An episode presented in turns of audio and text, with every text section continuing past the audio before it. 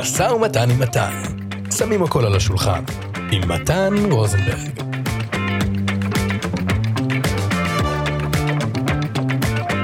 ברוכים הבאים לפודקאסט שלי, שמי מתן רוזנברג ואני קוסם מקצועי.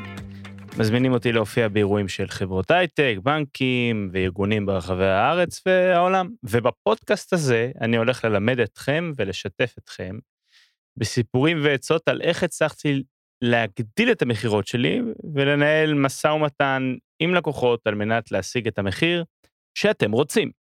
ברוכים הבאים לתוכנית, משא ומתן עם מתן, אני מתן. אז היום אני הולך לדבר איתכם עוד קצת על תפיסת ערך, על איך למכור ובסופו של דבר לנהל משא ומתן על המחיר הכי טוב עבורכם. על מה שאתם מוכרים, אבל שירות, אה, מוצר וכו'. אבל לפני זה, אני הולך לספר לכם את ה-Origin Story שלי, על איך פתאום אדם קם בבוקר ונהיה קוסם. התשובה היא רועי יוזביץ'. מי זה רועי יוזביץ'? אני אגיע לזה. בקיץ 2006 סיימתי תיכון. עבדתי אז כאיש מכירות של וול סטריט בית ספר לאנגלית. אני לא יודע אם אפילו הבית ספר הזה עוד קיים היום, בדרך כלל בקניונים. בגדול התפקיד שלי היה להציע לאנשים בקניון להירשם לבית ספר לאנגלית. על ידי זה שבאותו רגע אני מכניס אותו לפגישה עם יועצת מכירות ב best case, ובפחות best case זה לקחת שם ומספר טלפון, ואז מחלקת טלמרקטינג עושה את העבודה, ואם ה lead יתברר כאיכותי, זאת אומרת הביע נכונות אמיתית ולא סתם נתן לי את הטלפון כדי שאני אעזוב אותו בשקט, אז עליו קיבלתי עמלה. עכשיו, איך הם ידעו את הרצינות של ה lead? אותו lead קבע פגישה עם היועצת מכירות, שהיא זאת שממש מוכרת את התוכנית ומסבירה את מה שקורה בבית ספר, ועשיתי את זה איזה שנה, מקיץ של סוף י"א עד שסיימתי תיכון. ואז פרצה מלחמת לבנון השנייה. Okay, אוקיי? אני מגיע למי רועי יוזביץ', חכו חכו. פרצה מלחמת לבנון השנייה, 2006, קיץ 2006. כל המורים של הבית ספר גויסו בצו 8 למילואים. ואורית, שהייתה המנהלת של בית ספר, הייתה נואשת וידעה שיש לי אנגלית שפת אם. אז היא אמרה, מתן, אתה יכול להחליף את שון בשיעור, גייסו אותו למילואים. אמרתי, אין בעיה, How hard can it be? ועכשיו עם מבטא, How hard can it be? ש... שתבינו שאני כן עם אנגלית שפת אם, אבל אני בוחר לא להשתמש בו כשאני אדבר עברית. ואכן לא היה כזה קשה, נהייתי מורה לאנגלית. בקיצור, אני בא למסיבת סיום כיתה י"ב, וכמעט לא הייתי אמור לבוא, כי הייתי במשמרת של לימודי אנגלית בוול סטריט, וביקשתי אישור מאורית, מהמנהלת, לצאת מוקדם יותר. ובוול סטריט היה קוד לבוש, דרשו ממני לענוב עניבה, ודי אהבתי את זה, עד היום אני אוהב לענוב עניבות. ובאתי עם עניבה וזה, ובאתי קצת כדי לצאת מידי חובה, כדי להגיד שלום יפה למחנכת שמאוד אהבתי, וללכת. אבל חבר, מישהו במסיבה הזאת, שזה היה רק הורים, אה, התלמידים והמחנכת, בערך 100 איש. אני לא זוכר מה זה היה, אבל הוא אמר לי, מתן, אל תלך, יש תוכנית אומנותית, והביאו קוסם. רועי יוזביץ' היה אותו קוסם בקיץ 2006, והוא היה הניצוץ להתחיל ללמוד הכל לבד על המקצוע. עכשיו, בגלל שהיה לי פרופיל 45, כי אני חצי חירש, אה, אני הייתי ג'ובניק, והיה לי הרבה זמן לשרוף, וקסמים נהיו האובססיה שלי, ותוך כדי הצבא אפילו התחלתי להופיע. אחרי השחרור, היה לי ברור שזה מה שאני הולך לעשות, אוקיי? בזמנו למורת רוחה של אמי היקרה, שהיום my biggest fan, אוקיי? אבל היא כל כך דאגה, שהיא שלחה אותי למכון אדם מילו, שזה בעצם מכון שמאבחן מה אנשים צריכים לעשות בחיים. מה אתה רוצה לעשות כשתהיה גדול? זה המכון. אבל לאנשים בוגרים, כאילו. זה מעין הכוונת עבודה. אז אחרי יום שלם שמזכיר קצת את מה שעברתם בצו הראשון לפני הצבא, מבחנים פסיכוטכניים, שיחה עם מאבחנת, צייר לי פה עץ, כל הדברים כאלה, רק שהפעם זה על החיים האמיתיים, ולא על מה תהיה בצבא, אלא מה אתה צריך לעשות בחיים.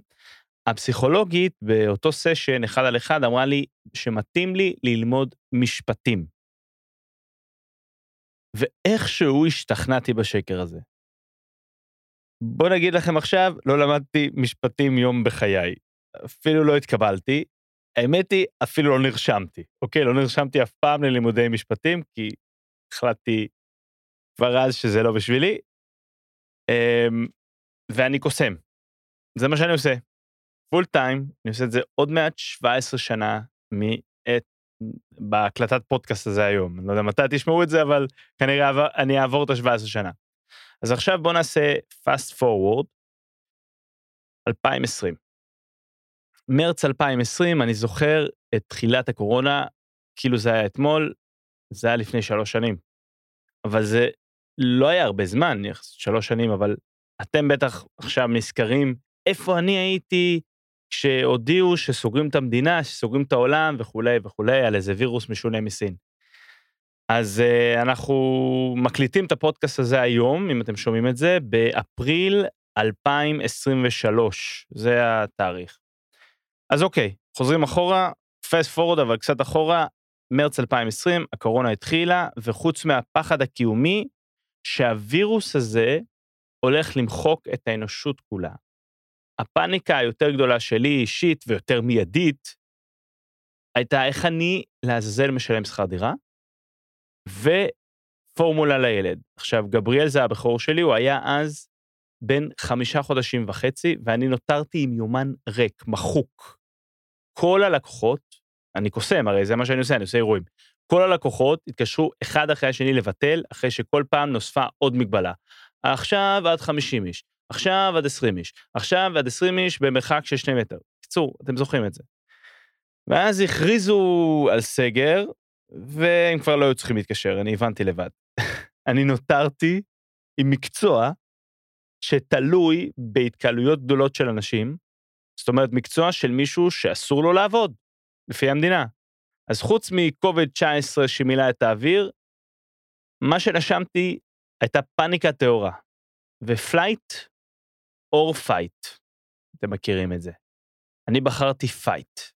חוש ההישרדות שלי נכנס לפעולה וחיפשתי את הרגליים ואת הידיים שלי. עכשיו, אני הייתי רשום בכל מיני ניוזלטרים של קואוצ'רים וקופירייטרים אה, באותו זמן, כי זה חלק מהכיף שלי, ואני באותו זמן גם עבדתי אחד על אחד עם קואוצ' עסקי. מי שהכיר לי בזמנו את כל נושא המשא ומתן ומכירות ואת הספרים שעליהם, שעליהם אני מבסס כרגע את הפודקאסט אה, ואת כל הפרקים הבאים וכולי. אז היינו נפגשים אה, איזה שלוש פעמים בשבוע בזום, עוד לפני שזום היה פופולרי. סתם היה כדי לחסוך זמן, כי הוא היה גר בצפון ואני במרכז.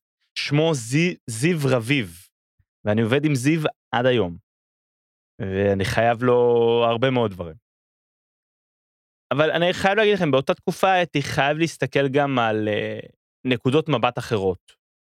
לראות מה עוד אפשר לעשות, די, לעשות איזשהו פיבט, איזשהו שינוי חד של אופי העסק שלי כדי ליצור הכנסה עכשיו ומהר.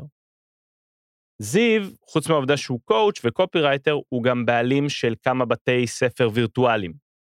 אה, זאת אומרת, אה, בתי ספר, קורסים דיגיטליים נקרא לזה. שהקהל יעד של הבתי ספר האלה הם קוסמים, מפעילי ילדים ואומני בלונים. בדיוק אותם אנשים שבדיוק כמוני, הכל הפסיק להם בבת אחת. כל ההפעלות הפסיקו, כל המופעים, כל האירועים וכל המסיבות. אז רציתי לראות מה הפרספקטיבה של כל מיני אנשים אחרים, התחלתי לעקוב, קצת לפני הקורונה גם, אה, אחרי בחור בשם עידן וואלר או ואלר, שזה בעיקר אומר שהייתי קורא את האימיילים שלו. כחבר בניוזלטר. כיום בשיווק דיגיטלי אתה קורא את האימיילים ואז פתאום אתה רואה איזה מודעה שקופצת בפייסבוק, זה כזה all encompassing, אבל בעיקר מה שגמר אותי זה היה המיילים שלו, האימיילים שלו, שהיו שיווקיים ומאוד משכנעים. עכשיו, אם אתם לא מכירים את עידן וואלר, הייתי הולך, נרשם לאתר שלו, לניוזלטר, זה בחינם, רק כדי להבין כמה טוב הבן אדם הזה בלשכנע. הוא קופירייטר בן, הבנתם את הקטע. אז הוא פשוט באמת מדהים, ו, וכתיבה והנאה לפעולה מדהימה. עכשיו, תבינו מה המצב שהיה לי. הכסף בחשבון בנק שלי היה על הקשקש, וקניתי גישה לוובינר שהוא מכר באיזה אימייל, אה, ב-400 שקל. עכשיו, היה לי כל כך קשה לשלם את זה, כי בערך ארבע חברות שעשיתי להם מופעים בממש תחילת מרץ ופברואר, היו חייבות לי כסף, כי אם אתה עצמאי, אתה יודע מה זה שוטף 30, שוטף 60, שוטף חפש את החברים. הם נעלמו והפסיקו לענות לי לטלפונים, ואני ציינתי כבר שזה חודש מרץ 2020, זה חודש דיווח למס הכנסה ומע"מ, אני משלם כל חודשיים. אמ, אז הכסף היה לא רק כאילו על הקשקש, אלא אני, אני, אנשים חייבים לי כסף ואני חייב למדינה כסף פתאום. אבל עם כל זה, שילמתי בארבעה תשלומים, בלעתי את הגלולה המרה וחיכיתי לוובינר. עכשיו, התשלום לוובינר כלל גם, כלול בתשלום, שיחת וובינר, אה, שיחת אה, טלפון אישית, עם, אה, של עשר דקות של אחד מהקואוצ'רים שלו. זאת אומרת, עידן וואלר הוא הקואוצ'ר הראשי, אבל זו חברה ועובדים תחתיו כמה אנשים. אני לא יודע באיזה קונסטלציה, אבל לא משנה. עשיתי, עשיתי את הוובינר, שהיה מעולה, והוא נתן לי בעיטה מאוד כואבת לתחת, כאילו הוא קצת אה, קרקע אותי, ויום למחרת אני חושב הוא התקשר, התקשר אחד הקואוצ'רים שעובד עם עידן, והוא דיבר איתי. ובאמת עשה רושם של בחור אמפתי שאכפת לו. והוא אמר לי משהו שהוריד אותי מאוד לקרקע, ובהתחלה נתן לי תקווה, אבל התברר כטעות, טעות שלו. אני לא בטוח אם זו טעות שלו רטרואקטיבית, אלא רטרו-פרספקטיבית, זאת אומרת, אה, אם הייתי בוחר את הדרך, אבל זו טעות שלו, כי בסוף לא, בחור, לא בחרתי את מה שהוא אמר לי לעשות, כי זה עשה לי פלשבק לפסיכולוגית במכון עדה מילו, אותו מכון שאימא שלי שלחה אותי מיד אחרי הצבא, שאמרה לי שאני צריך ללמוד משפטים. אני מסביר. אותו קואוצ' אמר, הוא טען בעצם שאני חייב לעשות מיד mindset shift ממוצר של nice to have למוצר של must have, אוקיי? זה גם עידן וואלר דיבר, דיבר על זה בוובינר. הוא צודק לחלוטין, באופן עקרוני, באותה תקופה. מה זה, מה זה אומר? זה אומר ש... אני אסביר. יש סיבה שאני עובד עם זיו רביב, כבר איזה שלוש שנים. הוא מגיע מהתחום שלי, הוא בדרן. ספציפית, הוא קוסם ילדים ואומן בלונים, אה, פחות התחום שלי של המנטליזם אה, אה, קוסם למבוגרים, אבל הוא מכיר קשיים של בדרנים אחרים. אותו קואוצ' של עידן וולר טעה לחלוטין. הנחת היסוד שלו לגמרי נכונה. זמנים של פאניקה, ויש פירמידת צרכים של מאסלו, מי שמכיר. מי שלא מכיר, אני אתעכב על זה קצת. היה לו פואנטה לקואוצ' הזה. וכוונה אמיתית, טובה ונכונה. פירמידת הצרכים של מאסלו מדברת על ההיררכיה של מה בן אנוש צריך לעשות בעדיפות ראשונה, שנייה, שלישית וכולי, לפי מאסלו. מה זה צריך? מרגיש את זה בעצמות ובדם שלו. אז הדברים הראשונים שחייבים לדאוג לו, אחרת כל השאר לא חשוב, זאת אומרת, העדיפות הראשונה, התחתית הפירמידה, כאילו משם הכל עולה, אלה הצרכים הפיזיולוגיים. צריך שיהיה לך אוויר נקי לנשום, אוכל, שתייה ומחסה. זאת אומרת, יש לך גג, יש לך איפה להניח את הראש, יש לך אוכל, מספיק אוכל, יש לך אוויר נקי. זה בינתיים ההיררכיה הראשונה, וזה מה שאנשים הרגישו בקורונה. יש לי מספיק אוכל, יש לי את הגג, אני, לא, אני צריך לשלם שכר דירה, כאילו כל הדברים האלה, זה הפירמידת הצרכים הראשונה, התחתית. ואז כשיש לך את זה, אתה הולך נגיד לעדיפות אה, שנייה, בריאות פיזית ונפשית, שתהיה לך תעסוקה, משימות ברורות, ואז עדיפות שלישית, אהבה, אינטימיות, משפחה.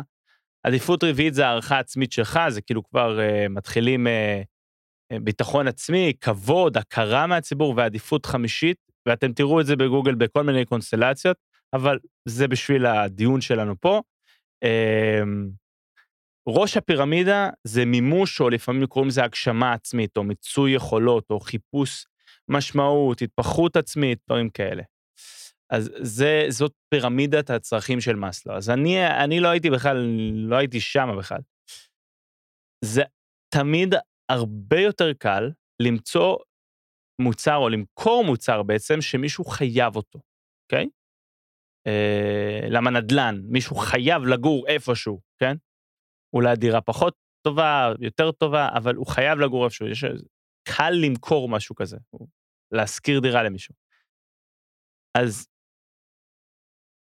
הוא אמר לי, אותו קואוצ' של עידן וואלר, אתה צריך לפנות לעדיפויות הראשונות בפירמידה. אז נגיד, אם מישהו שמן והוא רוצה להרזות, כי הרופא אמר לו שהוא טרום סוכרתי, ולחץ דם גבוה וכל מיני מחלות שנגרמות מהשמנת יתר, ואולי הוא ימות מזה, אז שיט.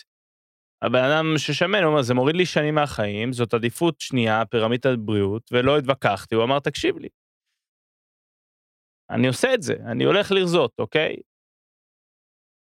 אז אני מדבר עם הקואוצ' הזה, ואני, כאילו, כל ההתנגדות האישית העצמית שלי, שאני אומר, שעה, אני לא יודע מה הולך להיות, לא יודע מה הולך להיות, בוא נראה, בוא נראה, בוא נראה, ומי יודע מה יצא. אם זה יצא, זה יצא. אם זה לא יצא, זה לא יצא. ואני לא יודע מה לעשות. הוא אמר לי ככה, אף אחד לא הולך לקחת אותך לאירוע עכשיו. זה מאוד נמוך בעדיפויות של האנשים. הוא לא הסביר לי שום דבר על הפירמידה של מאסלו, אבל זה... דבר ראשון, הוא אומר לי, אין אירועים, שכח מזה. דבר שני, אף אחד עכשיו בכלל לא חושב על אירועים. הם רק חושבים על איך לא להידבק בחרא הזה, ואיך לא להרוג את סבתא. What else can you do? מה אתה יודע לעשות? הוא שאל אותי. אתה יודע עוד דברים חוץ מקוסמות? אז אני מחפש בראש, בין כל תחומי העניין שלי בשירין או בעקיפין, למדתי במקביל לקוסמות, ואני אומר לו, אה, מה אני יודע להתלבש יפה? עם השנים פיתחתי מומחיות לאופנת גברים קלאסית, וזה נכון, חליפות, מטפחות דש וקשירת עניבות והתאמת צבעים וכולי, וכאילו אני קוסם, אני מופיע בציבור ואני אוהב להתלבש קצת אירופאי. אז אני יכול לייעץ לאנשים איך לעשות את זה, והאמת היא שעשיתי כמה סדנאות בנושא לקוסמים, ואפילו לקחתי אותם לשופינג ספרי כזה, עם מדידות וכולי, וכאילו, אחד על אחד ייעוץ. אז הוא אמר, אוקיי, אבל אף אחד לא יקנה בגדים עכשיו, והחנויות סגורות, גם לא באמזון. אמזון שולחים עכשיו רק כפפות, מסכות ואלכוג'ל, וגם הפסיקו משלוחים לארץ. אתם זוכרים את התקופה הזאת? זה מה שהוא אמר. מה עוד אתה יודע לעשות? אז אני כאילו מחפש. טוב, לימדתי את עצמי כמה שפות, אני דובר חמש שפות, עכשיו זה אמת, זה דובר אה, אנגלית, עברית, צרפתית, ספרדית וגרמנית, ויש לי שיטה משלי, כאילו פיתחתי את הדרך שאני יכול לעשות זה. ואפילו לימדתי אנגלית בבית ספר לאנגלית והעברתי שיעורים בתים. עכשיו, סיפרתי לו על וול סטריט וכל הזה לפני, אוף, הרבה זמן. ואפילו עבדתי עם כמה מאומני החושים המובילים בארץ על המופע שלהם באנגלית, ביניהם ניר חיימוביץ', אמיר לוסטיג, אמ, אבל באמת, עבדתי איתם על האנגלית, אז הוא אומר, אוקיי, אוקיי, פה הוא מצא את ה... זה שלו, הוא אומר, זה כבר מעניין, אתה צריך להתמקד בזה. עוד פעם קיבלתי פלשבק לפסיכולוגית מאדם מילו, שכאילו אמרה לי ללמוד משפטים, אבל זרמתי. הוא מנסה לעזור לי, אז אני, אני אומר, אוקיי. זהו, החלטתי. אני אמרתי לעצמי, אני חוזר ללמד אנגלית או עברית או מה שזה לא יהיה, מה שאני יכול ללמד, נכנסתי לאתר italki.com, מי שלא מכיר את זה, אחלה אתר למצוא אה, מורים אה, מסקייפ, זום וכולי, בכל מיני מחירים. זה אותו אתר שאני מצאתי את המורה שלי לספרדית לפני איזה עשר שנים, ואני העברתי בו אלפי שעות לימוד. אז אמרתי לעצמי, אני אהיה מורה שם. ואז חשכו עיניי, עשרה דולר לשעה, עשרים דולר לשעה ברוטו, בלי כל העמלות של האתר, ופייפל ומיסים, ו... זה מה שהמורים מבקשים, אתה יכול לבקש קצת יותר, אבל רק חשבתי על זה. כמה זמן אני צריך לעבוד בזה? כל יום? כל היום? שמונה שעות ביום? עשר שעות? 12 שעות? כדי שאני אוכל להגיע לשכר דירה, לשלם על ארנונה, חשבונות, חשמל, מים, גז, אינטרנט, אוכל, ביטוחים. וכמו שאמרתי לכם, חודש מרץ, חודש דיווח, שבו אני משלם למס הכנסה, מע"מ, חודשים. אוקיי, אמרתי לעצמי, בוא לא נשכח, דבר אחד אני יודע לעשות, ויודע לעשות טוב, ויודע להרוויח מזה כסף, וזה מופעים. ידעתי עוד כמה דברים, כמו האנגלית שסיפרתי לו, והחליפות וזה, אבל לא היה להם את אותו ROI, Return on Investment. לא היה לה את המכת כסף שהייתי צריך לעשות. המכת כסף שהייתי צריך לעשות הייתה צריכה להיות גדולה והייתה צריכה להגיע אתמול. צריך פתאום 20 אלף שקל הזרקת מזומנים לחשבון שלי. עכשיו, זיו רביב הקואוצ' שלי, אותו קואוצ' שאני עובד איתו עד היום, שלוש שנים, יש משהו שהוא יודע לעשות יותר טוב מכולם. הוא יודע לכתוב קופי רייטינג, דווקא לאנשים שמוכרים דברים שהם nice to have, אוקיי? מדברים על הערך, התפיסת הערך, זה הערך הגדול שזיו, אחד מהערכים שהוא מביא. אז אמרתי כבר שהוא בעלים של בתי ספר וירטואליים, מוכר קורסים דיגיטליים, ביניהם Kids Entertainment Academy ובלון ארטיסט קולג', וזה לא צריך להגיד לכם הרבה, אבל הקהל שלו זה מפעילי יום הולדת, קוסמים, והוא ידע להגיד לי משהו על העולם הזה שקורה עכשיו באותו רגע בקורונה. משהו שהקואוצ'רים של עידן וואלר כנראה לא ידעו, כי הם לא מגיעים מאותו תחום. בעצם הוא אמר לי משהו הפוך לגמרי מהגישה של עידן וואלר והקואוצ'רים, אה, שעבדו תחתיו. אמר לי, עכשיו יכול להיות שהוא אמר לי את זה כי זה מה שרציתי לשמוע, הייתי צריך איזשהו גלולת הרגעה או משהו כזה, אבל מההיכרות שלו, שלי עם זיו, זה לא מה שהוא היה. הוא אמר לי, אתה יודע מה מתן? יש שמועה שבארצות הברית יש קוסמים ואומני חושים שמופיעים דרך הזום. אמרתי לו, מה זאת אומרת? הם מופיעים... הוא אמר לי, הם מופיעים בזום. אמר לי, שמע, אנחנו מדברים בזום עכשיו, נכון? וזה היה סשנים בזום. כן, כן, אנחנו. אז יש אנשים כמונו, בעצם כולם היום, כל מי שעובד בעבודה, בהייטק, בבנקים, בקיצור, הוא עושה פגישות בזום. כולם בזום. אז אתה עושה להם הופעה. אבל איך עושים מופע בזום? כאילו, מה, איך? אז הוא אומר לי, אתה אומר לי, אתה מספיק יצירתי, תיצור מופע כזה, אתה תהיה בסדר. מי שיזמין מופע כזה, כנראה שזאת תהיה הפעם הראשונה שהוא יחווה את זה, אז כאילו הסטנדרט נמוך. אז יאללה, בוא נמכור את זה. אז אמרתי, מה למכור? אין לי את המוצר. בדיוק.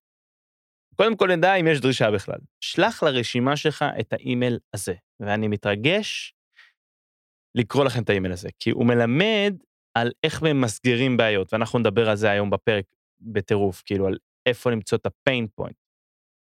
קחו קונטקסט, האימייל הזה נכתב ונשלח ב-30 במרץ 2020, במהלך סשן קואוצ'ים בזום עם זיו. אנחנו כותבים את האימיילים יחד, שאני אבין ואלמד מה הוא עושה. כותרת, החדשות שמבאסות נגד החדשות שלא מבאסות, זה הכותרת. שוב, קחו בחשבון, זה אימייל נועד לקריאה ולא להשמעה, אבל אתם שומעים עכשיו את הפודקאסט הזה, מדובר על מרץ 2020, זאת אומרת לפני יותר משלוש שנים. הנה האימייל. אם אתם מסתכלים בחדשות בטלוויזיה כמה פעמים ביום, זה באסה. אבל היום תקבלו ממני דווקא מסר חיובי. טיפה של אופטימיות בים של רגעים של סגר. תראו, יש המון סיבות לדאוג. מספר הנדבקים עולה, הסגר מתחזק כל יום. כל הדברים האלה לא נעימים לאף אחד. זה קורה בכל העולם, וכולנו באותה סירה עם השאלה, מתי זה ייגמר. אבל המצב הזה גם מביא איתו הזדמנויות מסכ... מסקרנות. כן, יש גם את ההזדמנויות לרגעים קסומים של משחקים עם הילדים. צפייה ביחד בסרט שראיתם כבר 28 אלף פעם, ואפילו הרבה יותר ארוחות משפחתיות שבישלתם בעצמכם, אולי אפילו בתורות. אצלי יש פרץ של יצירתיות. דוגרי, זה לא בא לי מבפנים, זה בא מצורך של שתי חברות שרצו צור... תוכן ויראלי ומהר. תוכן ויראלי בתקופה הזאת, שאלתי? לא מספיק הווירוס הזה? אז כן, מסתבר שהיכולת לרתק אנשים באירוע חברה, בכנס או אפילו בבת מצווה, יכולה להפוך לסוג של נכס, ואני בתהליך צילומים של שתי מיני סדרות. עוד על זה בימים הקרובים. החלטתי שאם משהו טוב קורה לי, זה סימן שאני יכול לעשות משהו טוב בשבילך. לדוגמה, 1. התחלתי להעביר שיעורים באינטרנט לקוסמים מקצועיים ולחובבים כאחד. 2.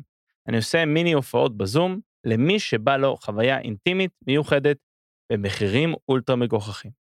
3. כל מי שרוצה שאני אעשה בשבילו 10 שכיבות צמיחה, גם זה הולך. שומרים על הבריאות. אני פרודוקטיבי כתמיד, חד תמיד, ורוצה, אני פתאום מרגיש כמו זוהיר ואליול, סליחה, חוזר, חוזר לאימייל, ורוצה לעזור. בלעדיכם לא הייתי מגיע להזדמנויות שהגעתי אליהן. אז מה הייתם רוצים לקבל ממני? בברכה קסומה, מתן. נ"ב, אני עובד על שתי סדרות של סרטונים בהם יש שילוב של קסם עם מסר חינוכי, שיווקי, הדרכתי. זה תהליך מרתק וחיובי, והוא גרם לי לחשוב, האם יש משהו שאני יכול לעשות בשביל לשמח אתכם, כמו מופע פרטי בזום לכל המשפחה, במחיר אולטרה מגוחך. נ"ב 2, אני קורא כל תגובה במייל, אז אשמח לשמוע מה דעתכם, איך אני יכול לשמח אתכם. עכשיו, נשבע לכם צמום אותי, מצ... זה מצמרר אותי בעצם רק, רק לקרוא את האימייל הזה. הוא כל כך אופטימי וחיובי בתקופה שרק רציתי להתחפר בצורך עצמי באיזה פינה ולבכות. נשבע לכם. זה, כזה, זה, זה היה כזה, אולי אתם במצב הייתם הרבה יותר גרוע, או יותר טוב, אני יודע. במייל הזה שהרגע הקראתי לכם, הקראתי לכם, יש כמה שיעורים קריטיים. אחד, אתה נותן להם בוסט של תקווה. אתה מראה שיש דברים חיוביים גם בתקופה מאוד לא חיובית. והכי חשוב, אני מתחיל למסגר את ה-nice to have כ-must have. אני מצטט מתוך האימייל. מסתבר שהיכולת לרתק אנשים באירוע חברה, בכנס או אפילו בבת מצווה, יכולה להפוך לסוג של נכס. זה הציטוט מתוך המייל. אז המילה מסתבר, היא מעידה על זה שאני לא מעיד על עצמי. כן, אני לא אומר על עצמי, אלא אני כנראה הבנתי את זה מהסביבה. והמילה נכס מעידה על זה שזה כנראה משהו שאתם צריכים. זאת אומרת, זה נכס. יותר מזה, אני, אני לא אומר את זה במייל, כי במיילים כאלה, כמו שלימד זיו, חשוב לדבר על רעיון מרכזי בודד, או לפחות לא לפרט יותר מדי, ויש כמה דברים מפורטים במייל, אבל יש רעיון מרכזי. אז uh,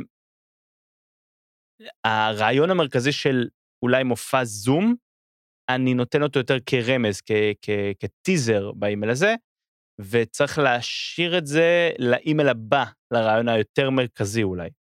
אז uh, אני הולך להקריא לכם עכשיו את האימייל הבא. הוא גם, האימייל הבא, זה חשוב לציין, הוא גם תורגם לאנגלית על ידיי, על ידי, והוא נשלח גם לרשימה של הלקוחות שלי בניוזלטר של לקוחות חו"ל. זאת אומרת, uh, לקוחות שהזמינו אותי, נגיד, uh, um, אבא שבא עם כל המשפחה, uh, מאנגליה לעשות בר מצווה לבן שלו בירושלים, והוא עובד באנגליה, באיזה חברה, אז פתאום זה כאילו יש שם קשר, זה נקודת החיבור. אז האימייל הזה, קודם כל הקונטקסט, הוא נשלח בשמונה, שמין, שמונה באפריל 2020. אה, וזה לגבי פסח. עכשיו, אני מקריא לכם את האימייל, ננסה להיות עם character, זה האימייל. יש החלטה לגבי הסדר הערב, שכבר החלטתם, וזה לא מי מחביא את האפיקומן. אני מדבר על הלפטופ בארוחת החג. זה אשכרה הולך לקרות הערב אצל רבים מאיתנו. ערב פסח עם הארוחה וההגדה וזום שמחבר אותנו לשאר המשפחה. אתם רואים את כולם במרובעים הקטנים.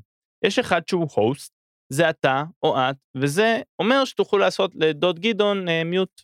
לפחות הפעם יהיה סדר מסודר. אמן שיהיה סדר מופתי בקריאת ההגדה. לא שאני איזה מלומד גדול, אבל כן קראתי שישנם רבנים שאומרים שזה מותר. עכשיו, אני מגיע ממשפחה דתייה, ולכן אנחנו נעשה מעין קבלת פסח חצי שעה לפני כניסת החג. זה חלק מהמסורת שלנו, המשפחתית. במיוחד השנה ננסה להתקרב דרך הזום. וזה מה שהזום עושה, הוא מקרב אנשים. יוצא לי לדבר עם סבא שלי כל יום דרך זום. לכם יוצא אולי לדבר עם חברים ומשפחה. זה חמוד, לא? מה עוד אפשר לעשות בזום? אתם יודעים מה מגניב? מופעי קסמים ומנטליזם דרך זום. הקולגות שלי ואני כבר שמנו לב שיותר ויותר חברות רוצות משהו. תוכן מגניב, משהו שאפשר לעשות בימינו, כדי לגרום לעובדים להרגיש שוב שייכות למחלקה, חברה, סניף, you name it. אחרי הכל, בואו ננסה להיכנס לנעליים של המנכ"לית הדס. היא הייתה צריכה להוציא חצי מהעובדים שלה לחל"ת. אאוץ'. תוסיפו לזה את זה ששאר העובדים צריכים לעבוד עם הילדים בבית. והדס זוכרת ימים שאנשים דיברו בחדר האוכל של החברה, בלי לשים לב שהיא שומעת תוך כדי אה, הכנת קפה, על איזה גדול היה ההוא, והיה זה, תשלימו בראש את ההטבה שאתם אוהבים לקבל בעבודה. אז הדס מבינה, היא צריכה משהו להעלות את המורל של העובדים, משהו מרחוק, כי לשלוח בבוניירה או פרחים זה מה כרגע. ואז היא פונה אליי לעזרה. הדס חכמה, רוצים להיות כמו הדס? אני מבלה את הזמן עם גבריאל החמוד, שהוא כבר בן חמישה חודשים, ועם קארן אשתי היפה, והפכתי לאחרונה להיות קוסם זום. מישהו שמסוגל להעיף לכם את המוח ולהפוך את היום שלכם לפרודוקטיבי יותר, בזכות מופע וירטואלי מפתיע במיוחד. הפכתי את כל הקסמים שלי לאינטראקטיביים דרך המסך. בשבוע הבא יש לי שני מופעים כאלה, אחד לכמה משפחות שהתאגדו יחד כדי להזמין מופע ממני, והשני לעמותה לאירוע של אלף משתתפים. ואז, כשהעולם נותן לך לימונים, לפרטים לגבי מופע וירטואלי מפתיע, מרענן ומגבש בצורה לא רגילה, שיעשה לעובדים שלכם תחושה של שייכות, תשיבו לאימייל הזה, נקבע פגישת זום קצרה להדגמה, תכינו ביומן, שבע דקות בדיוק. קל? לא? שלכם, מתן. נ"ב, אם אתם מכירים מישהו שיכול להתעניין במופע וירטואלי דרך זום, שכולל קטעים מפתיעים במיוחד של קסמים שקורים בידיים של המשתתפים במופע, אז אשמח שתפנו אותו אליי. אתם פשוט יכולים להעביר לו את המייל הזה עם המילים מומלץ במיוחד. פוף, כתוב, כתוב טוב. ואני לא לוקח קרדיט, תודה רבה, זיוי, אם אתה שומע אותי, זיו, אוהב אותך מאוד. עכשיו, מה שהמייל הזה עשה, הוא לחץ על נקודות כאב. היה הרבה מאוד כאב באותו זמן. לא יכלנו לראות אנשים. אתם זוכרים את זה? ואנחנו גילינו עד כמה זה חסר כשאין לנו את זה. זה ה-must have שנוצר. ה-must have זה must see people, אוקיי? זה ה-must have שלנו. בתחום האירועים, לאנשים בוטלו אירועים של פעם בחיים, כמו בר או בת מצווה, או חתונות. אתם זוכרים את ההיסטריה. לחברות הייטק פתאום נגמר כל הפיתוי. כאילו, הפיתוי של לעבוד בחברת הייטק, למרות המשכורת היפה, כאילו לא רק המשכורת היפה, זה שיש במטבח מכונת אספרסו וכל מיני סוגי דגני, כל סוג גני הבוקר, הברקפסט סיריאל שתרצו, קר מלא בכל טור, וחדר פלייסטיישן, וחדר כושר, ושיעורי יוגה וזומבה וכל אלה. וגם מקום שאפשר לפגוש ולדבר עם קולגות. כל זה נלקח מהעובדים. זה כמו לקחת סוכריה מתינוק, הוא מתחיל לבכות. הוא פתאום מבין כמה ה-nice to have הזה שהיה לו, שאף אחד לא באמת צריך מלא דגני בוקר, אבל זה ה-nice to have שלו, שהוא בעצם must have, כי הוא, הוא, הוא, הוא, הוא התמכר אליו. נוצרה כבר ההתמכרות והאדפטציה של הטוב. אז אנשים חייבים לראות אנשים אחרים. בגלל זה נגיד אם אתה אסיר בכלא, ועשית משהו מאוד רע בתוך הכלא, לשלוח אותך לבידוד בצינוק זה העונש הכי חמור שאתה יכול לקבל. אנשים חייבים לראות אנשים, הם יצורים חברתיים. הבעיה היא שכמו באירוע רגיל שבו נפגשים באולם אירועים, במקרה אין באירוע תוכן אז לא זוכרים אותו, אז על אחת כמה וכמה, כשכולם מול המסך במשך שעות והילדים מאחורה והכל כאוס, אם השיחת זום נעימה, מפתיעה ומגניבה, זה עושה חשק לעשות אותה, זה מחבר בין האנשים. זה, זה בעצם מצאתי את ה-must have. את, את האינטראקציה היותר אה, לא קשורה לעבודה בתוך פגישת עבודה, אה, ואנשים, כל מיני חברות התחילו לראות את הצורך, גם כמובן אירועים פרטיים.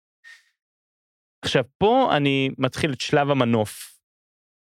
אתה לא יכול לשחק אותה מסכן לאורך זמן. אתה לא יכול להגיד, אני צריך, אה, אתה לא יכול. אבל זה אומר שאני בהתחלה לא יכלתי למכור מופע זום במחיר שאני מוכר הופעה רגילה.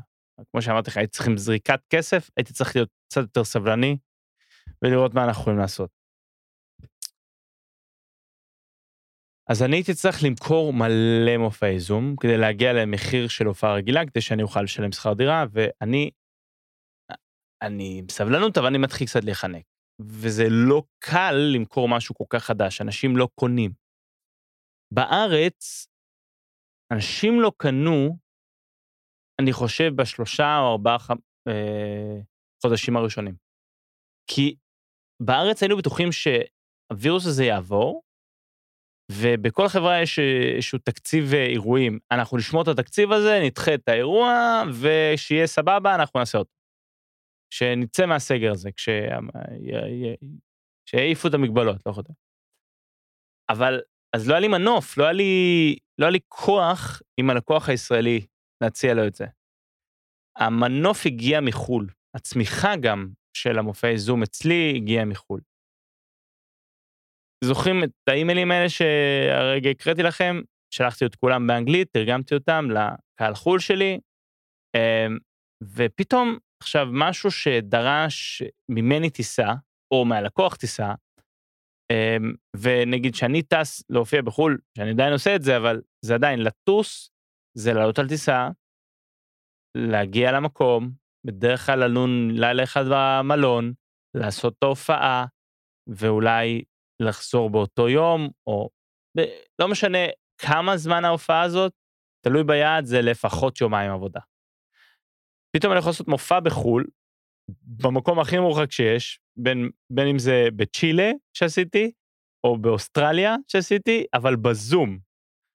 בלי לצאת, בלי לעלות על מטוס, בלי להחתים דרכון, בלי לבלות כמה ימים במלון, לעזוב את הילד, בלי ג'טלג. אני עושה את זה בשעה אחת, מבלי לקום מהכיסא. ואחרי המופע אני הולך, רואה נטפליקס עם אשתי בסלון. אז אמרתי לעצמי, יש פה שוק ענק, אני רק צריך למצוא לקוחות.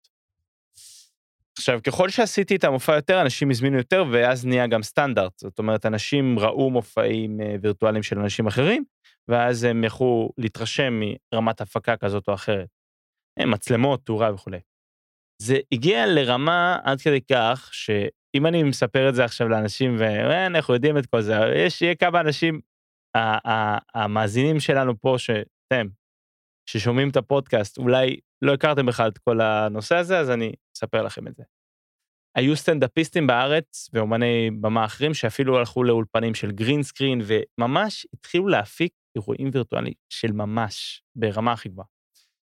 אז למה אני מספר לכם את זה? זה ה origin story, זה כמעט חצי שעה, יותר מחצי שעה אני מספר לכם את זה. חוץ מזה שההשוואה של הפסיכולוגית ממכון של עדה מילו, שאמרה לי אתה צריך להיות עורך דין, אה, כי קוסם זה לא מקצוע, והקואוצ'ר שעבד עם עידן וואלר, הקופירייטר התותח, שאמר לי, אולי כדאי לך לחזור ללמוד, ללמד אנגלית, כי אף אחד לא יזמין לך מופע, זה לא להגיד לכם ששניהם טעו כי, אה, כי, כי בראייה לאחור, בפרספקטיבה, רטרוספקטיבה, אז הכל נכון.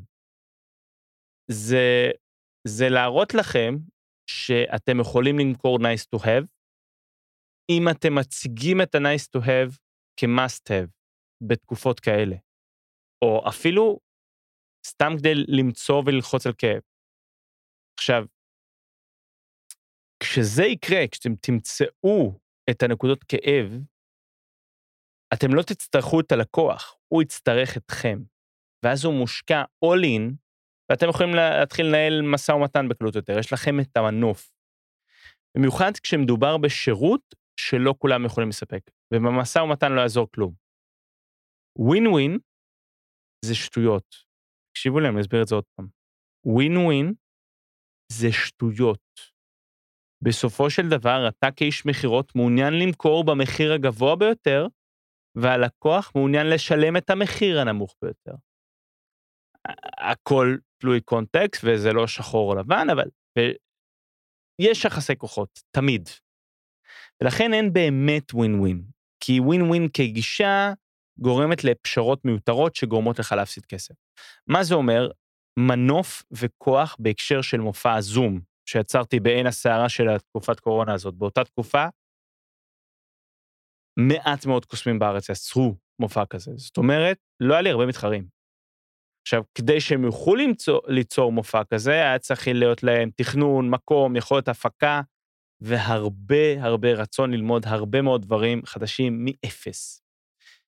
וגם לי היו כמה יתרונות, היה לי ילד בן חמישה וחצי חודשים, שמי שמכיר זה לא גיל שזוחלים בו עדיין או מתרוצצים אחריו, זה גיל גם כשישנים בו יותר, וגם עושים שנאצים, והייתה לי אישה נפלאה שלא עבדה באותה תקופה, בחופשת לידה, והיא טיפלה בילד, והיה לי גם חדר נוסף בדירה שיכולתי ליצור בו סטודיו. היו לי יתרונות, אין ספק.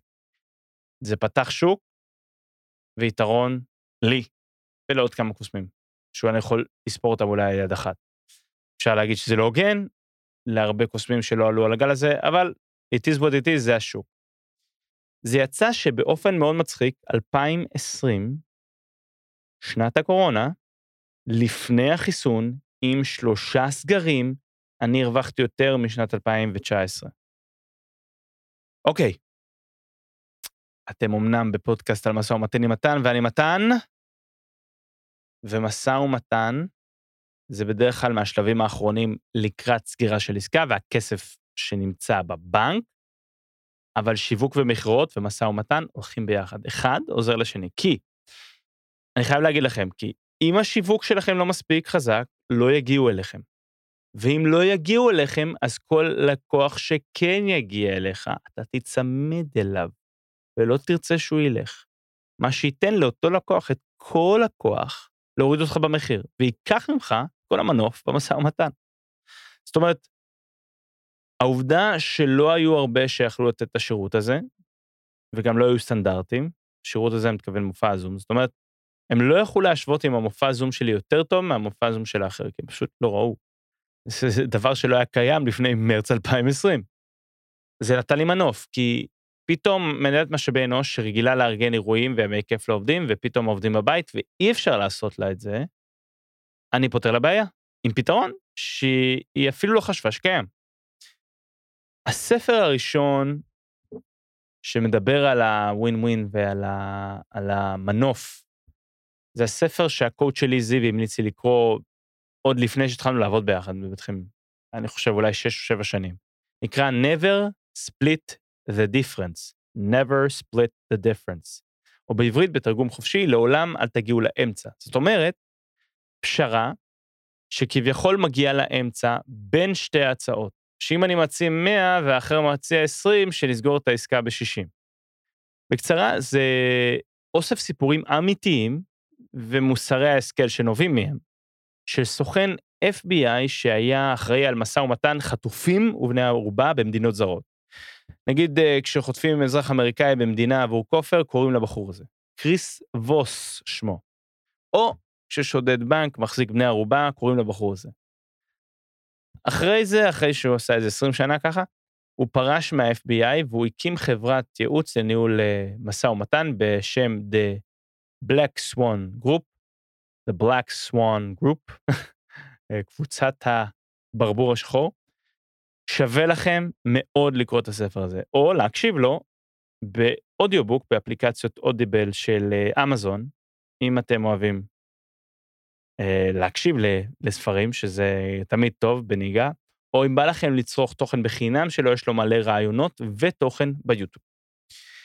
בספר, הוא נותן קרדיט לג'ים קמפ, זיכרונו לברכה, שגם לו יש, זאת אומרת, כרגע לא, כי הוא נפטר, הוא מנוהל על ידי הבן שלו, חברה לייעוץ ואימון של משא ומתן, והוא הוציא ספר שנקרא לא. ככה נקרא הספר, לא. הדרך היחידה למשא ומתן, שתצטרכו למשא ומתן בבית ובעסקים, אוקיי? Okay? אמ, אמ, או באנגלית, No, the only negotiation system you need for work and home. הספר בעצם נוגד את כל מה שספר אחר שיצא לפניו. הספר הזה נקרא Getting to Yes, או בעברית, כן, לשאת ולתת, ולהגיע לסיכום חיובי בעסקים, בעבודה ובחיי היום-יום. היום-יום, רוג'ר פישר. יש לי תחושה שג'ים קמפ לא קרא לספר שלו, לא, הדרך היחידה שתצטרכו למשא ומתן בבית ובעסקים, אה, במקרה. ג'ים מדבר על הדבר הכי חשוב בעיניי במשא ומתן.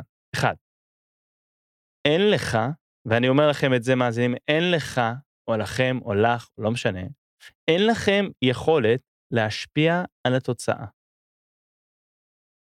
מה זאת אומרת התוצאה? אין לכם יכולת באמת לדעת אם כל הפעולות שאתם עושים יגיעו לכן אצל הלקוח. ובספר של רוג'ר פישר, כן, לשאת ולתת ולהגיע לסיכום חיובי בעסקים, בעבודה וחיי היום-יום, אמ, זה, זה מה שהוא מדבר, הוא מדבר לשאת ולתת ולהגיע לסיכום חיובי בעסקים, בעבודה ובחיי היום-יום. הנחת היסוד שניתן להגיע לסיכום חיובי. זה כבר שם אותך במקום של פשרות. כי יש עסקאות, לפי ג'ם קאמפ, הסופר של ספר לא, ששוב, אם בלבלת אתכם, אני עושה סדר. בסדר. רוג'ר פישר כתב את הספר כן, איך להגיע לסיכום חיובי. וג'ים קמפ כתב את הספר הנגדי, לא, השיטה היחידה שתצטרכו למשא ומתן בבית ובעסקים. אז ג'ים קמפ אומר, שאם אתה כבר מניח שתוכל להגיע לסיכום חיובי, אתה כבר בעמדת נחיתות. כי לא כל עסקה שווה לסגור. לא כל עסקה היא טובה. ויש עסקאות שצריך להגיד לא. וזה משהו ששכחנו כבר איך להגיד. לא נעים לנו להגיד לא. אז אנחנו אומרים כן. אבל הכן הזה לא שווה כלום. כי כשאני אומר ללקוח מחיר להופעה והוא אומר לי כן, נשמע טוב, אני אומר לו מדהים, בוא נסגור. ואז הלקוח נעלם. לא עונה לטלפונים, כמובן אין עסקה. אז מה שווה היה הכן שאותו לקוח אמר לי? לא רק שהוא לא שווה כלום, הוא גרם לי נזק הכן הזה. כי בראש שלי הוא הרים לי את הציפיות. זה קצת כמו לזכות בלוטו, רק בקטן. כשאתה ממלא לוטו, אתה מפטז על מה תעשה עם הכסף, אם תזכה, למרות שסיכויים אפסיים שתזכה, אבל זה חלק מהכיף.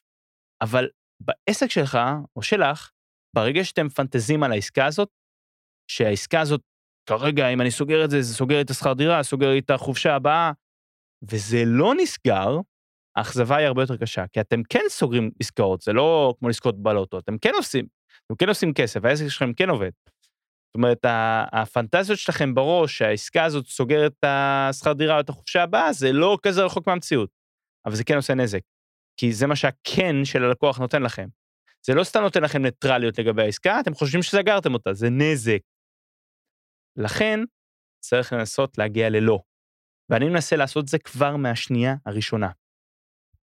גם קריס ווס, הסוכן FBI, אה, הסופר של never speed the difference, אותו hostage negotiator, הוא מדבר על זה ארוכות גם במלא סרטונים ביוטיוב, אז אם בא לכם אחרי הפודקאסט הזה ללכת לגגלל אותו, זה קריס ווס, C-H-R-I-S, קריס ווס, V כמו ויקטורי, O כמו אורנג' ו-S, ואז עוד פעם S, קריס ווס. אז הנה דוגמה מצוינת לגרום ללקוח להגיד לי ולהתחיל להרגיש בנוח אם להגיד לא. אם התקשרתי ללקוחה ואני לא באמת יודע אם היא יכולה באמת לדבר, או אולי באמצע פגישה או משהו כזה. אז אני יכול לשאול, היי hey, אורית, זה זמן טוב לדבר? יכול להיות שזה לא זמן טוב בשבילה, אבל כבר התקשרתי והיא כבר לא נעים להגיד לי לא. אז היא אומרת כן. ואז אני מתחיל לדבר ואני מתחיל לעשות כל הפיץ שלי והיא לא באמת מקשיבה כי היא עסוקה וזה לא באמת זמן טוב. ואתה מרגיש את זה בשיחה. עכשיו, אם אתם רוצים לדעת איך אורית מרגישה, תזכרו, ב, תזכרו בכל שיחה מהוט או סלקום או כל שירות אחר, שהתקשרו כדי להציע משהו, רוב הסיכויים שאפילו לשאול אם זה זמן טוב, לא שאלו. הם פשוט נכנסו לפיץ', וכשאתה מעז להגיד להם שזה לא זמן טוב, הם מנסים להשחיל עוד משפט ועוד משפט, לכן האסטרטגיה שלי היא פשוט לנתק. כן, זה לא נעים, אבל לפחות לא מבזבז אנרגיה לאף אחד מהצדדים. אני לא מבזבז זמן בלדבר ולהתעצבן, והם לא מבזבזים זמן עם לקוח לא רלוונטי, והם יכולים להמשיך ברשימה שלהם בעבודה. קיצור, אני לא שואל את אורית האם זה זמן טוב, כי כנראה לא יהיה לה נעים להגיד לי לא, ואם זה לא באמת זמן טוב, והיא סתם אומרת כן, השיחה לא אפקטיבית, במיוחד שאני צריך למכור. היי טיקט אייטם, הוא המופע שלי. אז אני הופך את השאלה, ואני אומר, אה, האסטרטגיה של ג'ים קמפ וקריס ווס. אני אומר לה, היי אורית, האם זה לא זמן טוב שנדבר? עכשיו, קודם כל, תמיד בשאלה, סוג קטן של חוסר ביטחון, ודגש על המילה לא. האם זה לא זמן טוב שנדבר? עכשיו, אם זה כן זמן טוב, היא תגיד, לא, זה אחלה זמן. ואז הלא הזה, אני בטוח שהוא אמיתי, אני בטוח שהוא כן. כן כמו ההפך מלא. ו- והיא באמת יכולה לדבר. עכשיו, אם היא אומרת כן, היא בעצם אומרת, לא, זה לא זמן טוב. אז אני אומר, או מעולה, אז אני, אני אתקשר אחר כך. אז קריס ווס, למשל, משתמש בניסוח קצת אחר. הכל תלוי קונטקסט, נגיד, מה אתה שואל ומה אתה צריך להשיג. היה איזה סופר שהוא רצה שיעשה הרצאה בחברה שלו. והוא הלך ל book signing. book signing זה כשהסופר יושב בשולחן בחנות ספרים, והוא חותם על עותקים של הספר שלו, וכולם מחכים בתור לקבל את העותק שלהם, ואולי להשחיל מילה או שתיים.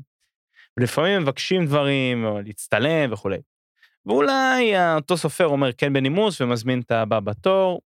עכשיו, קריס בוס עומד בתור, כמו כולם, ושואל אותו, תגיד, זה יהיה רעיון מגוחך לבקש ממך לבוא לתת הרצאה לחבר'ה שלי בחברה? אז הוא הסתכל עליו בפנים חמוצות, מופתע, ואמר, לא, זה לא מגוחך, בוא נקבע. אז זה עוד פקטור מאוד חשוב למילה לא. המילה כן רק שווה משהו אם היא מלווה במילה איך. מה זאת אומרת? אתה מבקש כן, אז אתה צריך לראות מה ההסכם, על מה אנחנו מסכימים. אז אם יש, זה לא משנה מה אתה קונה, אם זה קופסת מסטיקים או אתה רוכש פרארי, יש שלבים נוספים תמיד אחרי הכן, במידה וזה כן אמיתי. אמ, למשל, באמצע מופע, אה, אני חייב להגיד לכם, יש לי שני סוגים של מופעים, יש לי מופע שבו אני מסתובב בין הקהל ויש לי מופע על הבמה. אז לא באמצע מופע על הבמה, כן? אבל יש, כשאני מסתובב בין אנשים באירועים כמו בר מצווה או קבלת פנים באירוע הייטק, אני עובד, אבל יש פאוזות, אני מקשקש עם אנשים. ואנשים שואלים אותי אם, אם זה מה שאני עושה, ואם אני עושה x, y, z, אז אם אני באירוע חברה, שואלים אותי אם אני עושה אירועים פרטיים, ואם אני באירוע פרטי, שואלים אותי אם אני מופיע בארגונים וחברות. אז אני תמיד שואל, יש לך אירוע בקרוב? לפעמים הם פשוט מבקשים כזה ביקור וזהו. אבל אני תמיד מנסה לדחוף לרצינות, גם במחיר, במרכאות מחיר, של לאבד לקוח פוטנציאלי. הנה, הנה דוגמה. אורח באיזה אירוע, רואה כיסא מדהים שאני עושה, והי, אתה עושה גם בר מצוות? ואני אומר לו, כן, לבן שלך יש בקרוב? ואז הוא אומר לי, כן, או לנכד שלי, או לא משנה. אז אני שואל, אותך, אני שואל אותו, יש לכם כבר תאריך? עכשיו, אם הוא אומר לי כן, אז אני רוצה לבדוק שהכן הזה אמיתי, אז אני מוציא את הפלאפון שלי ובודק ביומן שלי אם הוא לא. עכשיו, אם הוא לא מוכן להגיד לי, אומר לי, לא, לא, לא משנה, אז יכול להיות שהוא סתם מדבר והוא לא רציני, ואני מפסיק את ה-back and forth שלנו באותו רגע, ובנימוס, כי אני, בכל זאת, אני מופיע באירוע. אני מביא לו כרטיס ביקור, ואני אומר לו, בוא נדבר אחרי האירוע. אם הוא רציני, אני לוקח את המספר טלפון שלו באותו רגע, ואני מציע שאני אתקשר אליו. זאת אומרת, הוא ענה לי כן, אז אני רוצה לדעת שהאיך זה מה שחשוב. מה השלבים הבאים? הוא אומר לי, כן, יש לנו אירוע. מעולה. מתי? זה השלב הבא. עונה לי את השלב? מעולה, בוא נדבר. מה המספר שלך? למה שהוא לא יביא לי את המספר? אז בכל עסקה, זה מה השלבים הבאים, על מה אני חותם, מה התנאים בהסכם, אה, מתי אה, אני מקבל את המוצר, מתי השירות, מה קורה, אתה נפגש איתי, אתה... כל הזמן, מה, מה קורה, איך. אם אני, אם זה מוצר פשוט, אם אני רוצה לקנות את המאסטיק בקופה, לקופאית לא אכפת מהרצון שלי, היא צריכה שאני אוציא את הכרטיס אשראי שלי, ואחרי שהיא ביפ למוצר, שעושה ביפ כזה, למוצר שאני אביא לה אותו, ואני אצא מהחנות עם המאסטיקים, זה השלבים הבאים. אז אם מישהו אומר לי כן לאירוע, אני שואל אותו, אני אומר לו מה השלבים הבאים. אם הוא נעלם לי או לא מוכן לשלבים הבאים, הכן שלו היה סתם, או סתם התעניינות, או small talk. לכן עדיף היה שנתחיל ב... לא. האם זה זמן לא טוב לדבר? במנה לא, שלב הבא. אוקיי, מה הזמן הכי נוח מבחינתך שנוכל לדבר בו? אם היא לא נותנת לי, כנראה שזה לא זה. לא שאני לא עושה פולו-אפ ושואל אותה עוד פעם, אבל יש תמיד לכולנו את, את אותם ימים שמישהו שואל אותה, ננסה לקבוע איתנו ואנחנו לא בראש הזה. אז בסדר. מה שלא עושה, מילה לא, היא משחררת אותנו. זה משחרר אותה, משחרר גם את הלקוח מהתחושה של אם עוד כן ועוד כן, אז אני מחויב. ואם אני מחויב ואני לא באמת רוצה, אז עדיף לי לעשות, לא לענות לטלפונים או לא לענות להודעות ולהיעלם. אבל אם אני לא מרגיש מחויב, אז הכל טוב, ואנחנו סתם מדברים. אני לא צריך אותך. אני, מתן, לא צריך את הלקוח. זה הדבר הכי חשוב. בוא נחזור שנייה לרוג'ר פישר, שכתב את, את, את הספר כן, איך להגיע לסיכום חיובי, כאילו ההפך הגמור מג'ים קמפ. בתת הכותרת של הכותר כן, לפחות בתרגום לעברית, הוא אומר, איך להגיע לסיכום חיובי. עכשיו, אני שואל אתכם, מה זה אומר נגיע לסיכום חיובי? אם הלקוח מוכן לשלם רק חצי מהכסף שאני מבקש, כי זה מה שהלקוח מוכן לשלם, ואם אני רודף אחרי המטרה של סיכום חיובי, אז אני אגיד כן, למרות שאני מפסיד חצי מהכסף שרציתי. אז זאת עסקה רעה. והיא ממש לא ווין ווין. כי הלקוח ווין, וקיבל מה שהוא רצה, ואתה לוז, כי לא קיבלת מה שאתה רוצה. אז הווין ווין הזה זה פיקציה. כי הלקוח הציע פשרה, ואתה פשוט הסכמת על הפשרה. הלקוח לא צריך להצטער, הוא פשוט שיחק את המשחק וזכה, אתה הפסדת. אז איך אפשר להתמודד עם זה?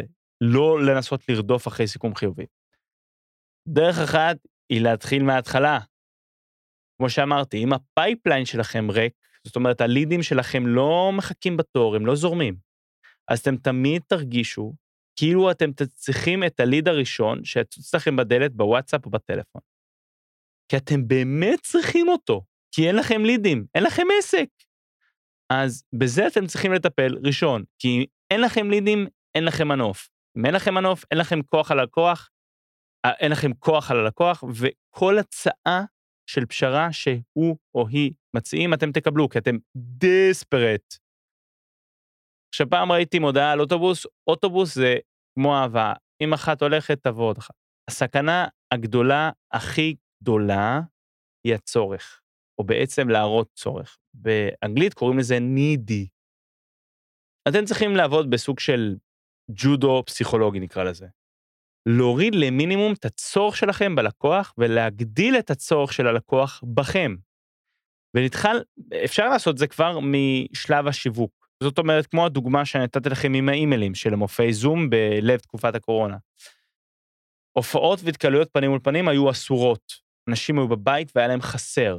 אני בניתי אצלם את הצורך, בעוד שאצלי הכל דבש. אני מכיר בעובדה שהתקופה מאתגרת, אבל אני פרודוקטיבי כתמיד. אני מצטט מתוך האימייל, כן?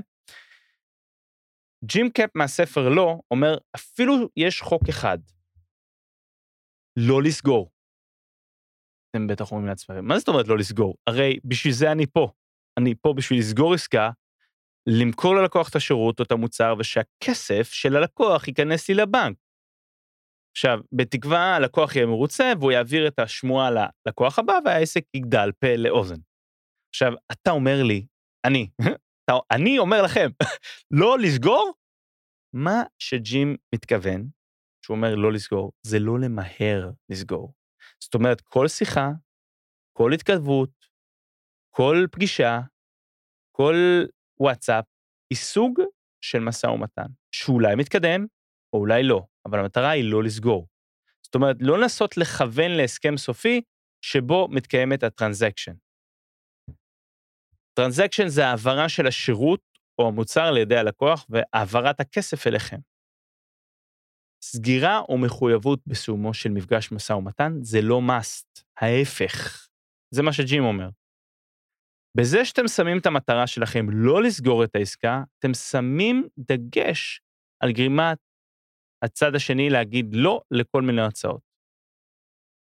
כי ברגע שאתם גורמים לצד השני להגיד לא, אתם מאפשרים לשני הצדדים לחשוף את הבעיות והאינטרסים האמיתיים במשחק. על ידי זה שאתה נמנע מהגישה המסורתית של ללחוץ יד וקבלת כן או סגירת עסקה, אתה מאפשר ליצור סביבה שבה הצד השני מרגיש יותר בנוח ובשליטה. וזה הכי חשוב. כי אם אתם מרגישים שאתם בשליטה ומרגישים אה, עם ידכם על העליונה, זה כנראה אומר שהצד השני לא. ואם הצד השני מרגיש לא בנוח, הוא לא סוגר. כדי שהצד השני ישחרר רכבות ויגיד לכם את האמת, אתם צריכים להיות בסדר עם להרגיש קצת לא בסדר. זאת אומרת, לא לצאת הילד, הבן אדם הכי חכם בחדר, לא להראות לכם כמה, לא להראות ללקוח כמה אתם יודעים וכמה אתם מדהימים, אלא יותר לשמוע ממנו. עכשיו, אם זה קשה לכם, הקונספט הזה, קשה לכם לעשות את זה, תחשבו על שירות. איך אתם יכולים לשרת את הלקוח טוב יותר? הלקוחות שלכם, מה שאתם זה. אם התשובה שלכם, שבמקרה ספציפי המוצר או השירות שלכם דווקא לא מתאימים ללקוח, אז אתם חייבים להגיד לו את זה, זה השירות הכי טוב שאתם יכולים לתת לו. ואז לנסות לעזור לו בכל דרך שהיא. זה גם עוזר לחוק הזה של ג'ים קאם שאומר לא לסגור, לא לסגור את העסקה. כי אם אתם חושבים קודם כל על שירות, רק אחר כך על עצמכם, אתם רוצים להגיד להם, אנחנו מבינים מה אנחנו עושים, ואנחנו רוצים לתת לכם לדבר, ואנחנו רוצים להתרשם מהידע שלכם, ואפילו להעמיד פני מטומטמים. כאילו, וואו, לא ידעתי, וואו, נשמע שאתה ממש מבין בזה. וואו, עשית דברים כאלה פעם. והם ייתנו לך כל כך הרבה מידע, שעידו, אתה תשרת אותם. ויכול להיות שהשירות הזה שאתה נותן להם מכלול סגירת עסקה איתך, או לא. אתה לא רודף אחרי מטרות כאלה שסגירות, אתה לא מחפש את הכן, אתה מחפש את הלא. למה? כי אתה לא צריך אותם, וכשאתה לא צריך אותם, אתה לא מראה נידינס, אתה לא תלותי, ולא חייב לסגור עסקה בכל מחיר. ואתה לא נותן להם הנחות או פשרות סתם, כי שום דבר בטוח, לא, לא בטוח בצד השני. זאת אומרת, ככל שאתה תשמע יותר לא, שידחוף ללא, אתה תקבל יותר אמת. האמת הזאת היא מידע ששווה זהב. כי אז אתה יודע את האמת על התקציב שלהם ועל הרצונות שלהם ועל החזון שלהם ועל הצרכים שלהם. למה זה חשוב? כי כשאתה יודע את התקציב שלהם והם מבקשים הנחה, אתה יכול לשאול את עצמך למה. הרי יש להם את הכסף, זה התקציב שלהם. הם לא יכולים להוציא את הכסף הזה? אבל הרגע הבנתי בפליטה פרודיאני של לקוח, שיש לו את זה, כי נתתי לו לדבר, סתמתי את הפה. אני, כן, אני יודע, אני נשמע כאילו הפודקאסט הזה אני לא יכול להפסיק לדבר, אבל סתמתי את הפה בשיחות לקוח. בואו נפסיק לדבר באוויר. דוגמאות, אני אתן לכם דוגמה, אני עושה כמה קצת קואושינג אני אחד על אחד, ואני אתן לכם דוגמה של תלמיד שלי שאימנתי אותו. הוא אומן חושים, נקרא לו אלי, לשמירה על פרטיותו, ואני חשבתי שעם כל הידע שזיו מאמן אותי בו, אני יכול לעזור דווקא לזווית האומני החושים בצורה הספציפית של, של להגדיל את המכירות שלהם ואת המחיר פר סגירה. עכשיו, אני עושה, מכרתי את השירות הזה בהצדקה כזאת, בנקודת כאב כזאת. זה לא משנה כמה הם משלמים לי, נגיד הם משלמים לי ממש יקר. אם אני יכול להכניס להם יותר כסף ממה שהם שילמו לי, אני הצדקתי להם את ההוצאה. ה-ROI, ה-return on investment, הוא חיובי. כמו שאני משלם לזיו הרבה כסף, אבל זיו יוצר לי הרבה כסף. אז הנה הסיפור של אלי, נשאיר את השם בדוי או שלא. את אלי התחלתי ללמד, סלש לאמן, באוקטובר 2019, והוא רצה לדעת בזמנו איך להגדיל מחירים ולסגור יותר עסקאות. גם בזמנו הוא עבד בעוד עבודה. עכשיו, זה אומר שהוא לא רק עשה הופעות, היה לו 9 to 5 כזה. עכשיו, זה עבד לטובתנו, למה? כי הרצון לסגור עסקאות והצורך לסגור עסקאות זה לא אותו דבר. כשיש לך הכנסה בטוחה ממשהו אחר, הלחץ לסגור כל עסקה יורד. כי אתה, הכנסה קבועה, יש לך משהו. וזה מה שצריך. כמו שג'ים קמפ אומר, לא לסגור. הנה הדוגמה. לא אומר שאתם לא יכולים, אני, אני עובד בזה full time ואין לי איזה safety net, אבל אני אומר את זה במקרה הזה, זה עזר להפחית את הלחץ. הנה הדוגמה. לאלי פנתה קרן. קרן, גם שם בדוי, אשת משאבי אנוש של חברה קטנה. החברה הזאת רצתה ערב גיבוש עובדים, משהו קטן, 20 עובדים, ביום חמישי כלשהו באמצע ינואר 2020. היא רצתה גם מופע בהתאמה אישית, זאת אומרת, מעין שדרוג של מוצר קיים. מופע שיהיה כתוב בשבילה. כמו שאייפון מוכרים גרסה של 256 ג'יגה, ואתם רוצים לשדרג לגרסה של ה-500 ב-12, רק עולה יותר, הדגם הזה. אז מופע בהתאמה אישית עולה יותר, הוא דורש יותר עבודה, התאמה של המופע, בדיחות פנימיות של ארגון, הכנסת לוגויים, מסרים שיווקיים. קיצר, עוד עבודה, לא בחינם. אלי שלח הצעת מחיר 4,000 שקלים. בתוך הפירוט של הצעת המחיר הייתה כמובן ההתאמה האישית של המופע. והיא החזירה לו מייל, אלי שלום, הקצבנו לכך עד 2,000 שקלים, וזה חורג לנו מהתקציב. אנחנו נחזיר לך תשובה, בברכה, קרן. אלי שולח לי וואטסאפ עם צילום מסך של אותו אימייל שהרגע הקראתי לכם, ואני מסמן לו באימייל שהיא אמרה, שהיא אמרה לו, היא השאירה לופול, או פתח כניסה. היא אמרה, אנחנו נחזיר לך תשובה. אוקיי, זאת אומרת, אמרתי לו, היא אמרה לך לא, ויותר מזה שהיא אמרה לך לא, היא סימנה טריטוריה עם מספר. זאת אומרת, היא אמרה לך כמה יש לה. עכשיו, כמה זה אמיתי, אין לי מושג.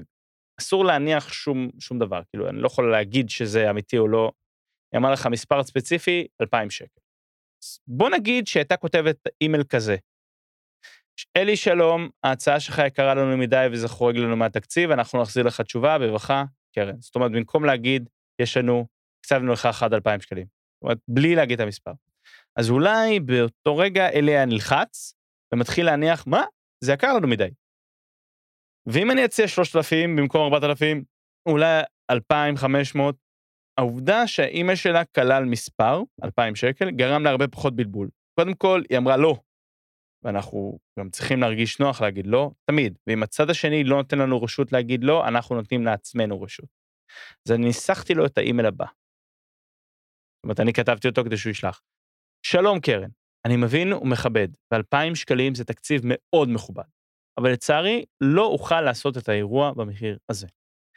בכל מיני קונסטלציות אחרות הייתי יכול לבוא לקראתכם מעט ולחתור לפתרון. אבל משום שמדובר בשעת ערב ביום חמישי, היום המבוקר בשבוע, ואתם צריכים התאמה אישית של המופע, אני מרגיש שאני לא האיש שלכם במחיר הזה. במידה ותרצו, אשמח להמיץ לכם על מישהו, אבל אני פשוט לא יכול להבטיח שהוא יסכים לחיית את המופע עבורכם במחיר שציינת.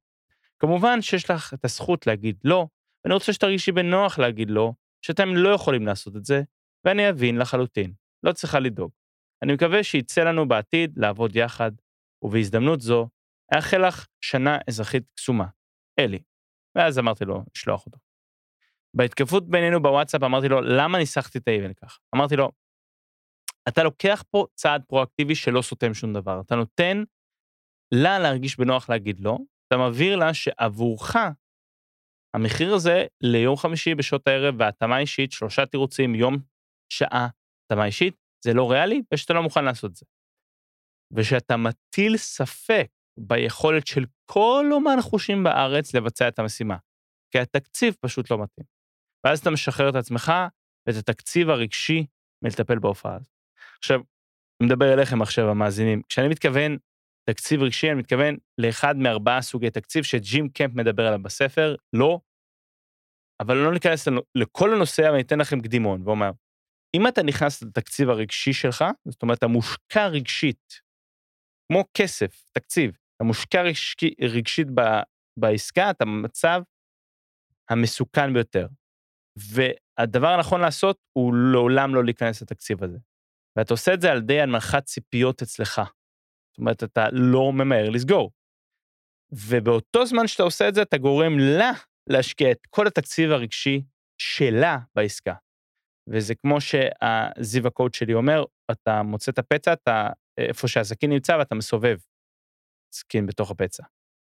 אז אמרתי לו ככה, אלי, על אמת, אתה לא תתאים אישית משהו בשביל 2,000 שקל, בעודך חוסם ערב חם בעוד שלושה שבועות מעכשיו, נכון, כאילו כל התירוצים שציינתי באימייל שניסחתי לו ללקוחה הם סיבות אמיתיות, ללמה לא כדאי לא לקחת את העסקה. עכשיו, אם אתה תגיד כן לעסקה הזאת, תגיד כן ל-2,000, ופתאום תיכנס לכמות העבודה שצריך לעשות, כי להתאים מופע באופן אישי זה לא קל, אתה תקלל את היום שבו לקחת את העסקה. הוואטסאפ הבא שהוא שלח לי היה פרייסס, הוא אמר, היא סגרה איתי ב-4,000, מאוד שמחתי בשבילו.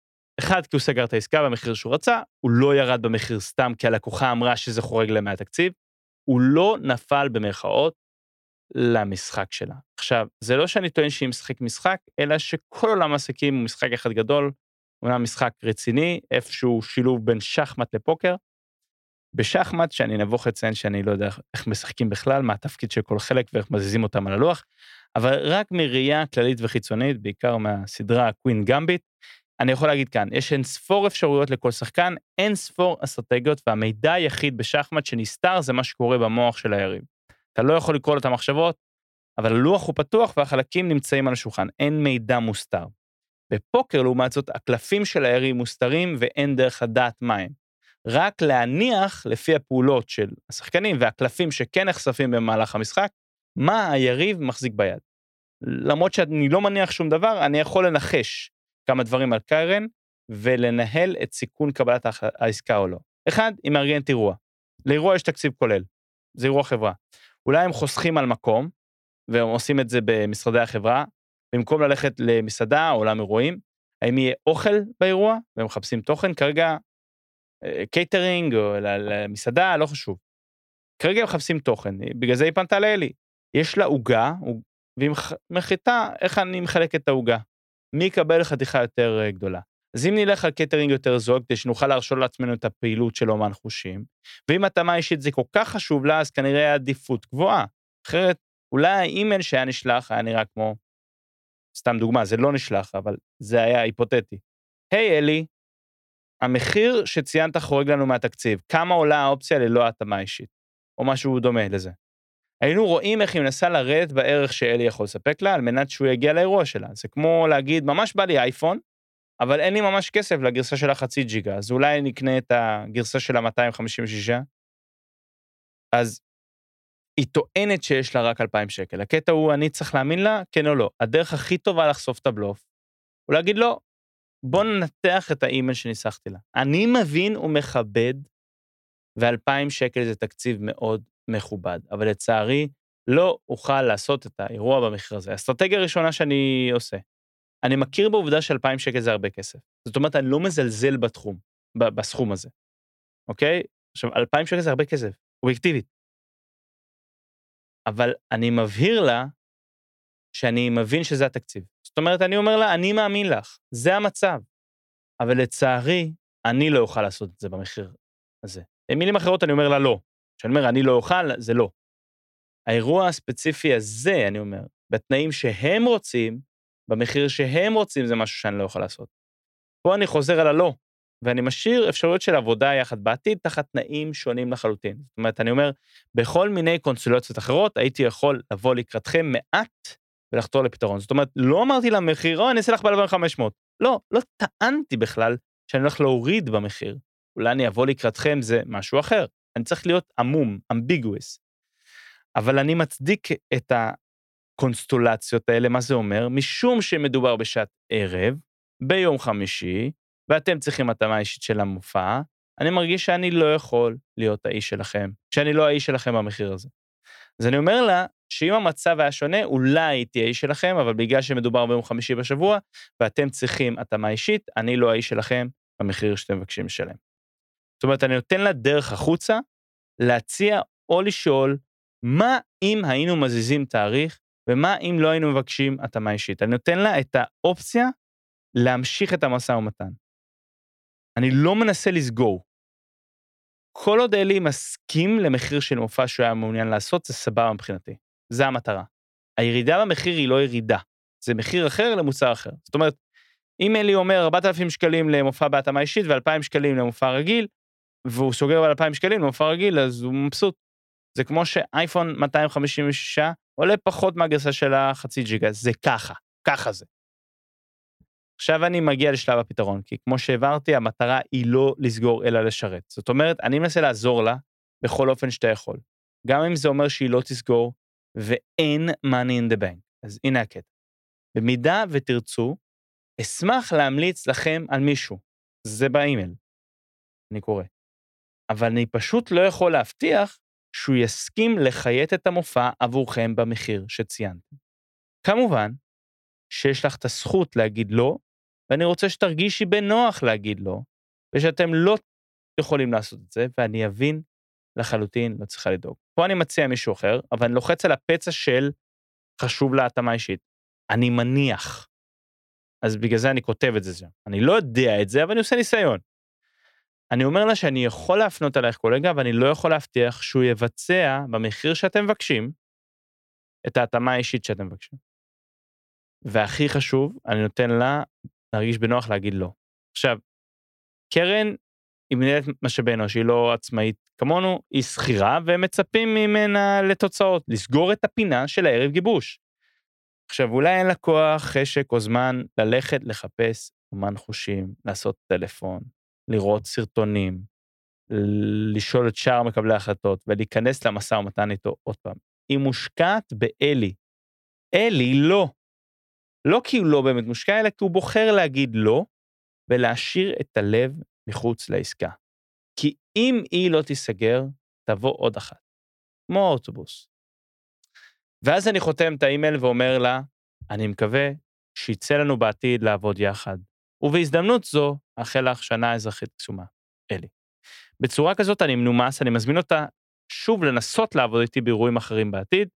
זאת אומרת, הסאבטקסט שיש לכם את התקציב המתאים, ושנה אזרחית טובה, כי המייל אה, נכתב ב-1 בינואר 2020, לפני שידענו מה זה מסכה או אלכוג'ל.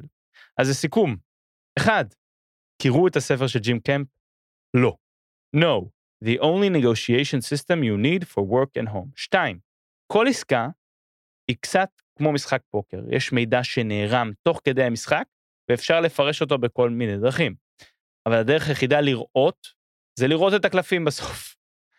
עכשיו, הדרך היחידה לראות את הקלפים בסוף היא אחת משלוש אפשרויות, תחת התנאים שלך, תחת התנאים של הלקוח, או שלוש, לא לסגור את העסקה. מה שמוביל אותי לסיכום שלנו, שלוש, למהר לסגור זה גרוע. אפילו יותר מזה, אסור לא לנסות לסגור, קודם כל לשרת. זה מה שיוביל אתכם למילה הכי חשובה במשא ומתן, ארבע. המילה הכי חשובה במשא ומתן היא לא. כי אם לא, יש עם מה לעבוד, יש לה משמעות.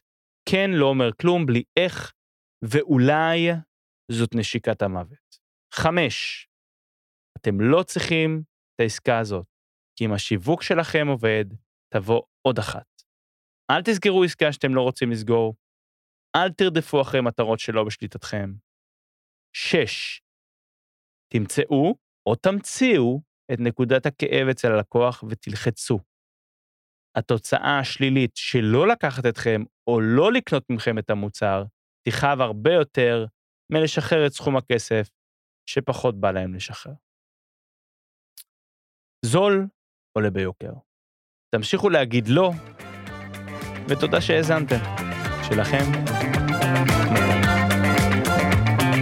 משא ומתן עם מתן, שמים הכל על השולחן, עם מתן רוזנברג.